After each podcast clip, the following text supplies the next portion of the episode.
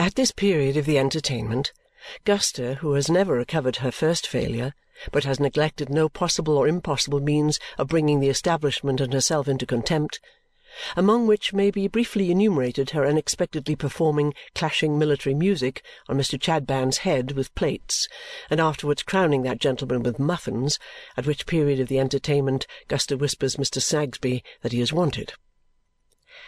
"And uh, being wanted in the not to put too fine a point upon it in the shop," says Mr. Snagsby, rising. Perhaps this good company will excuse me for a half a minute. Mr. Snagsby descends and finds the two prentices intently contemplating a police constable who holds a ragged boy by the arm. "Why, uh, bless my heart!" Says Mr. Snagsby. Oh, "What's the matter?" "This boy," says the constable, "although he's repeatedly told to, won't move on. "I'm always a moving on, sir," cries the boy, wiping away his grimy tears with his arm. "I've always been a moving and a moving on ever since I was born. Where can I possibly move to, sir, more more nor I do move?" "He won't move on," says the constable calmly, with a slight professional hitch of his neck involving its better settlement in his stiff stock although he has been repeatedly cautioned, and therefore I am obliged to take him into custody. He's as obstinate a young gonoph as I know. He won't move on." "Oh, my eye! Where can I move to?" cries the boy, clutching quite desperately at his hair and beating his bare feet upon the floor of Mr. Snagsby's passage. "Don't you come none of that, or I shall make blessed short work of you says the constable, giving him a passionless shake. "My instructions are that you are to move on. I have told you so five hundred times." "But where?" cries the boy. Eh, eh, eh, "Well, really, constable, you know," says Mr. Snagsby wistfully and coughing behind his hand his cough of great perplexity and doubt, Really, that does seem a question. Where, you know?" "My instructions don't go to that," replies the constable. "My instructions are that this boy is to move on. Do you hear, Jo? It is nothing to you or to any one else that the great lights of the parliamentary sky have failed for some few years in this business to set you the example of moving on. The one grand recipe remains for you, the profound philosophical prescription, the be all and the end all of your strange existence upon earth. Move on. You are by no means to move off, Jo, for the great lights can't at all agree about that. Move on. Mr. Snagsby says nothing to this effect, says nothing at all indeed, but coughs his forlornest cough, expressive of no thoroughfare in any direction. By this time Mr. and Mrs. Chadband and Mrs. Snagsby, hearing the altercation, have appeared upon the stairs. Guster having never left the end of the passage, the whole household are assembled. "The simple question is, sir," says the constable, "whether you know this boy. He says you do." Mrs. Snagsby, from her elevation, instantly cries out, "No, he don't!" "My little woman says Mr. Snagsby, looking up the staircase. "My love, uh, permit me. Pray have a moment's patience, my dear. I do know something of this lad, and in what I know of him I can't say there's any harm. Perhaps on the contrary, constable," to whom the law stationer relates his joful and woeful experience, suppressing the half-crown fact. "Well! says the constable. So far, it seems, he had grounds for what he said. When I took him into custody up in Holborn, he said you knew him. Upon that, a young man who was in the crowd said he was acquainted with you, and you were a respectable housekeeper, and if I'd call and make the inquiry, he'd appear. The young man don't seem inclined to keep his word, but uh, oh, here is the young man. Enter Mr. Guppy, who nods to Mr. Snagsby and touches his hat with the chivalry of clerkship to the ladies on the stairs. Ah, "I was strolling away from the office just now when I found this row going on," says Mr. Guppy to the law stationer, "and as your name was mentioned, I thought it was right the thing should be looked into." "It uh, was very good-natured of you, sir," says Mr. Snagsby, "and I am obliged to you." And Mr. Snagsby again relates his experience, again suppressing the half-crown fact. "Now I know where you live," says the constable. Then to Jo, "You live down in Tom all Alone's. That's a nice innocent place to live in, ain't it?" "I can't go and live in no nicer place, sir," replies Jo. "They wouldn't have nothink to say to me if I was to go to a nice innocent place for to live. Who would go and let a nice innocent lodging to such a regular one as me?" "You are very poor, ain't you?" Says the constable. "Yes, I am indeed, sir. Wery poor in general," replies Jo.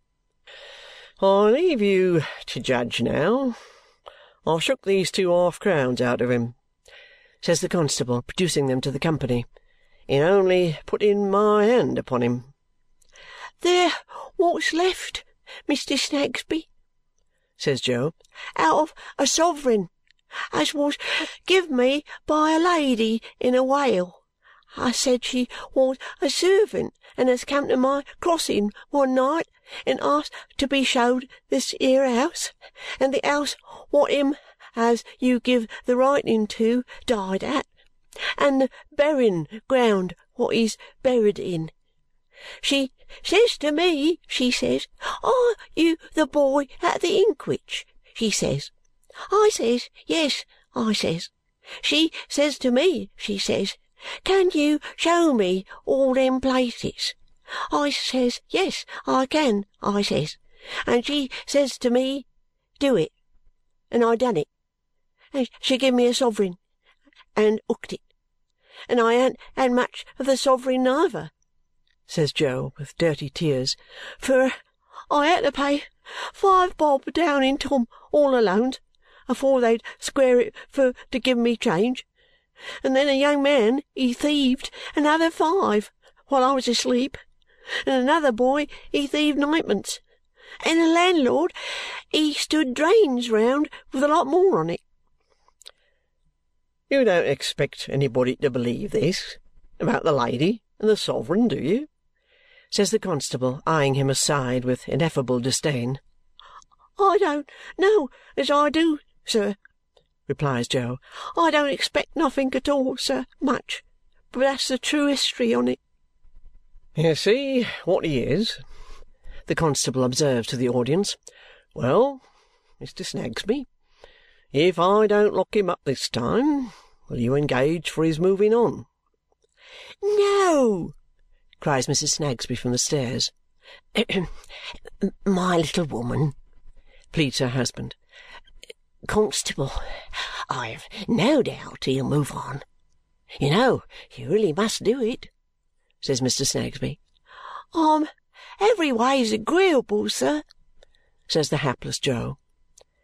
"Do it, then," observes the constable. "You know what you have got to do. Do it. And recollect you won't get off so easy next time. Catch hold of your money. Now, the sooner you're five mile off the better for all parties." With this farewell hint, and pointing generally to the setting sun as a likely place to move on to, the constable bids his auditors good afternoon and makes the echoes of Cook's Court perform slow music for him as he walks away on the shady side, carrying his iron-bound hat in his hand for a little ventilation. Now, Jo's improbable story concerning the lady and the sovereign has awakened more or less the curiosity of all the company. Mr. Guppy, who has an inquiring mind in matters of evidence and who has been suffering severely from the lassitude of the long vacation, takes that interest in the case that he enters on a regular cross-examination of the witness, which is found so interesting by the ladies that Mrs. Snagsby politely invites him to step upstairs and drink a cup of tea if he will excuse the disarranged state of the tea-table consequent on their previous exertions. Mr. Guppy yielding his assent to this proposal, Jo is requested to follow into the drawing-room doorway, where Mr. Guppy takes him in hand as a witness, patting him into this shape, that shape, and the other shape, like a butterman dealing with so much butter, and worrying him according to the best models. Nor is the examination unlike many such model displays, both in respect of its eliciting nothing and of its being lengthy, for Mr. Guppy is sensible of his talent and Mrs. Snagsby feels not only that it gratifies her inquisitive disposition, but that it lifts her husband's establishment higher up in the law. During the progress of this keen encounter, the vessel Chadband, being merely engaged in the oil trade, gets aground and waits to be floated off. "Well," says Mr. Guppy, "either this boy sticks to it like cobbler's wax, or there is something out of the common here that beats anything that ever came into my way at Kenge and Carboy's. Mrs. Chadband whispers Mrs. Snagsby, who exclaims, "You don't say so!"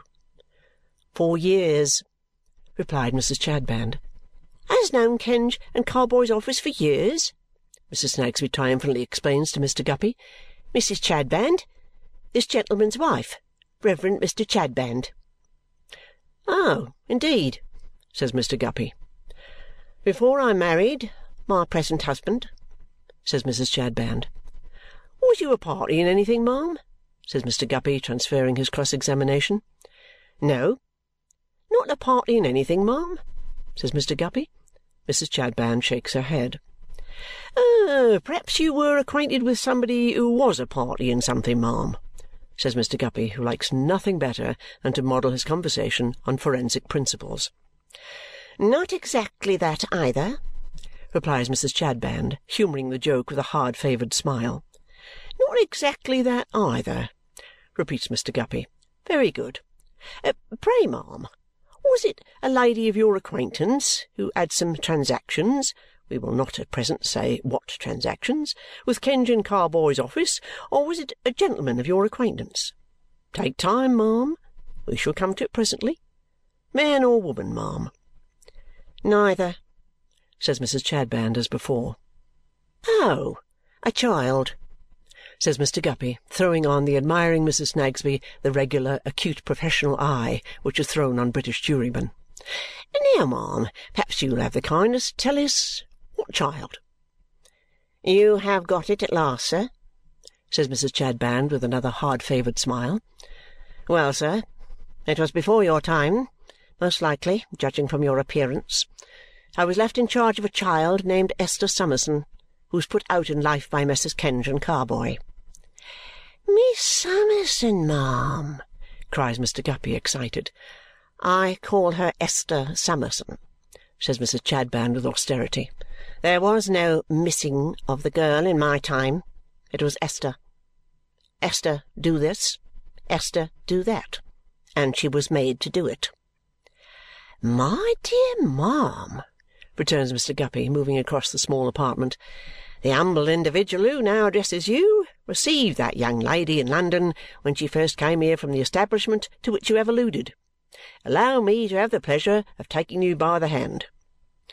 Mr. Chadband, at last seeing his opportunity, makes his accustomed signal and rises with a smoking head, which he dabs with his pocket-handkerchief. Mrs. Snagsby whispers, "Hush!" "My friends," says Chadband, "we have partaken in moderation," which was certainly not the case so far as he was concerned, "of the comforts which have been provided for us. May this house live upon the fatness of the land, may corn and wine be plentiful therein, may it grow, may it thrive, may it prosper, may it advance, may it proceed, may it press forward. But my friends, have we partaken of anything else? We have. My friends, of what else have we partaken? Of spiritual profit? Yes. From whence have we derived that spiritual profit? My young friend, stand forth. Jo, thus apostrophized, gives a slouch backward, and another slouch forward, and another slouch to each side, and confronts the eloquent Chadband with evident doubts of his intentions. "My young friend," says Chadband, "you are to us a pearl, you are to us a diamond, you are to us a gem, you are to us a jewel. And why, my young friend?" "I don't know," replies Jo. "I don't know nothink." "My young friend," says Chadband, "it is because you know nothing that you are to us a gem and a jewel. For what are you, my young friend? Are you a beast of the field? No. A bird of the air? No.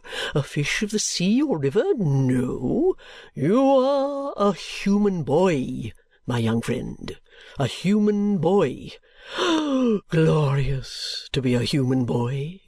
And why glorious, my young friend? because you are capable of receiving the lessons of wisdom, because you are capable of profiting by this discourse which I now deliver for your good, because you are not a stick, or a staff, or a stock, or a stone, or a post, or a pillar. O running stream of sparkling joy, to be a soaring human boy! And do you cool yourself in that stream now, my young friend? No.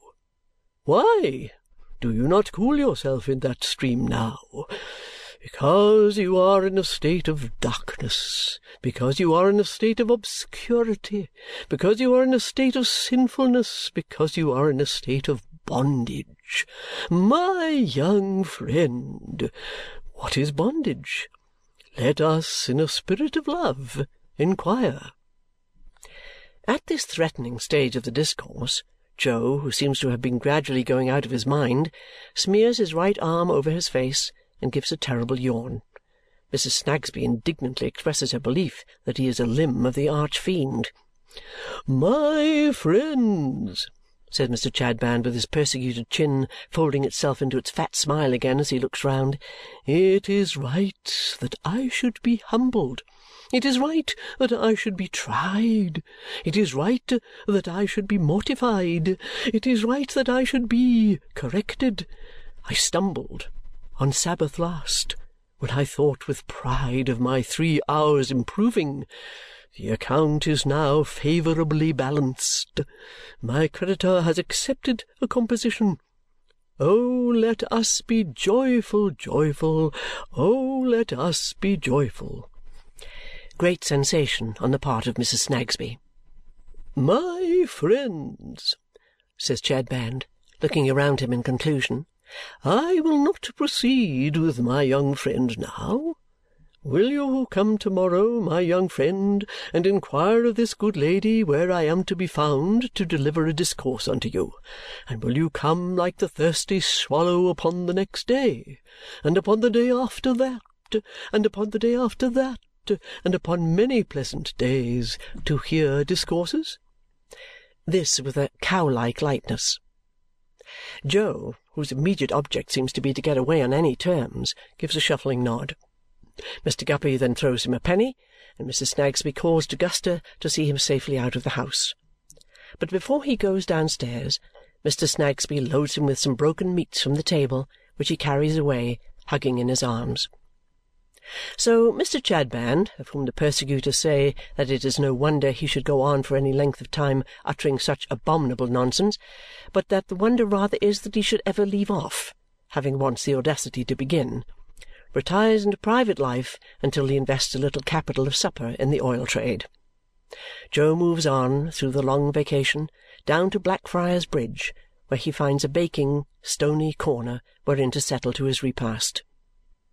And there he sits, munching and gnawing, and looking up at the great cross on the summit of St. Paul's Cathedral, glittering above a red and violet-tinted cloud of smoke.